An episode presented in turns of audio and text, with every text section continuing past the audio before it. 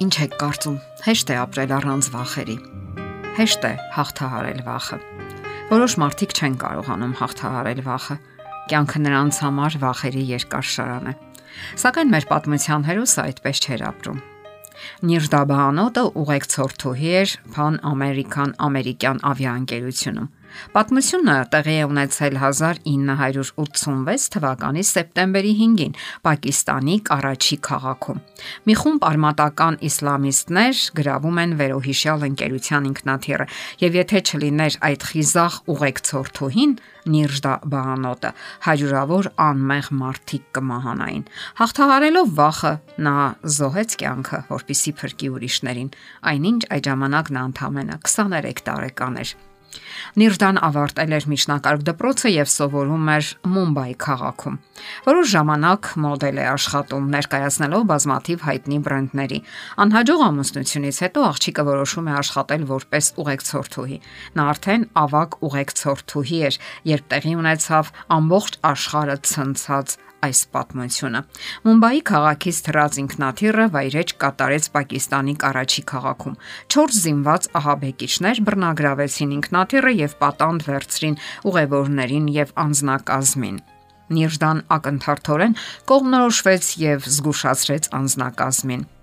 եւ անznակազմը կարողացավ դուրս գալ պահեստային դռնով։ Սկզբում ահաբեկիչները կրակում են եւ սպանում բոլոր նրանց, ովքեր ամերիկացի են ներկայանում։ Իսկ ահա պահանջում են բոլորի անznագրերը, որpիսի գտնեն ու սպանեն բոլոր ամերիկյան քաղաքացիներին։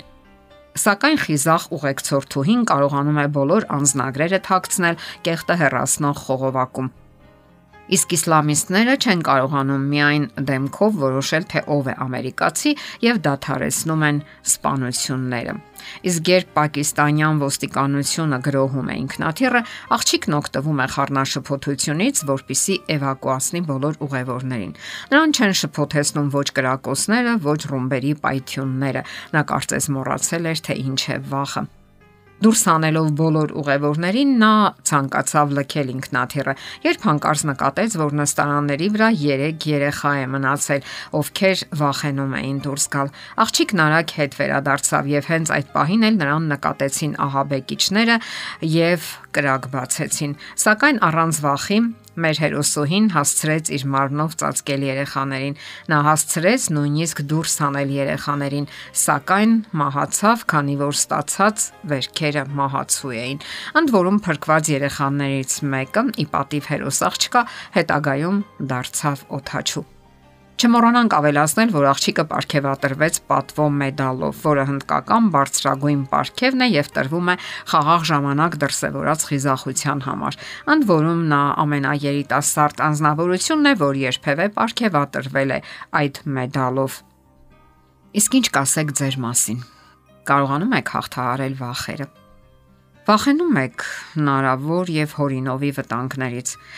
Քանի փականներով եք փակում ձեր դուռը եւ ինչպիսի հնարամիտ ազդանշանային համակարգեր եք կիրառում եւ ինչպիսի պարիսպներով եք շրջափակում ձեր տները կամ առանձնատները։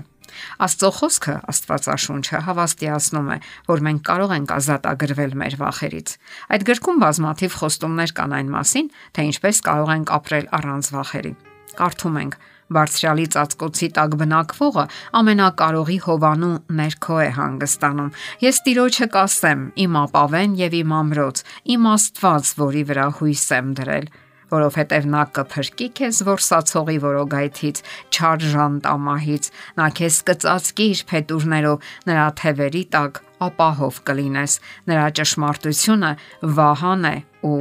զրահ։ Աստծո խոստումների մեջ մնալը ազատագրում է շատ վախերից։ Մենք հասկանում ենք, որ մարդկային բոլոր միջոցները անհուսալի են եւ երերուն, պատրաստ փլվելու առաջին իսկ հարվածներից։ Իսկ վերոհիշյալ հատվածի խոստումները հույս են ներշնչում, ցույց են տալիս ամենակարող Աստծո էությունն ու բնավորությունը։ Վացաշնչյան այդ խոսքերը ցույց են տալիս եւս մի կարևոր ճշմարտություն, որ մենք պետք է մնանք Աստծո ճշմարտության մեջ։ Նրա ճշմարտությունը ասպար է եւ զրահ։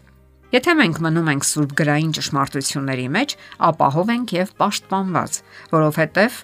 Աստծո ուղիները հուսալի են եւ ապահով, իսկ նրա խոստումներն ու հավատարմությունը ասպար են ու զրահ, որոնք միշտ կփրկեն ու կպաշտպանեն մեզ։ Կարդանք Աստվածաշնչյան մեկ ուրիշ համար։ Տերն է իմ լույսը եւ իմ փրկությունը։ Ես ումից պիտի վախենամ։ Տերն է իմ կյանքի ապավենը։ Ես ումից պիտի սարսափեմ։ Դուք շարունակում եք վախենալ։ Աստված ձեր կողքին է։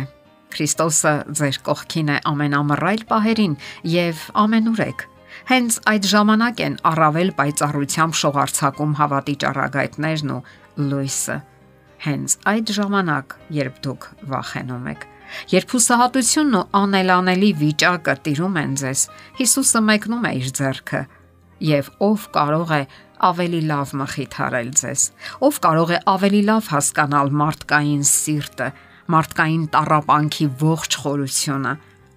խոսքս ուղում եմ այս պահին մեզ լսող բոլոր մարդկանց միգուցե դուք դժբախտության մեջ եք Միգուցե ձեր ամուսնությունը վտանգի տակ է։ Միգուցե դուք մտահոգված եք ձեր երեխաների ապագայով։ Իսկ գուցե ծանր հիվանդություն եք տանում կամ կասկածում եք, որ ունեք։ Հիսուսին ներկայացրեք ձեր բոլոր վախերն ու տագնապները հենց այս պահին։ Իմացեք, որ նա առանց ձեր ներկայացնելու էլ գիտի ձեր բոլոր ցավերի ու տարապանքների մասին։ Նրա համար շատ կարևոր եք դուք։ Հենց դուք Քո ցավը նրա ցավն է եւ նա պատրաստ է օգնության հասնել առաջին իսկ կանչի ու հրավերի դեպքում։ Եվ հավատացեք, որ առավոտյան ցողի նման կցնդեն ձեր բոլոր վախերն ու կասկածները, ձեր սարսափները, որովհետև այդպես է խոստացել ամենազոր արարիչը։ Հիշեք եւ միշտ ձեզ համար կրկնեք հետեւյալ խոստումը. Տերն ինձ հետ է, ես չեմ վախենում, մարդն ինձ ինչ կանի։ Եթերում է ղողանջ հավերժության հաղորդաշարը։ Հարցերի եւ առաջարկությունների համար զանգահարել 033 87 87 87 հեռախոսահամարով։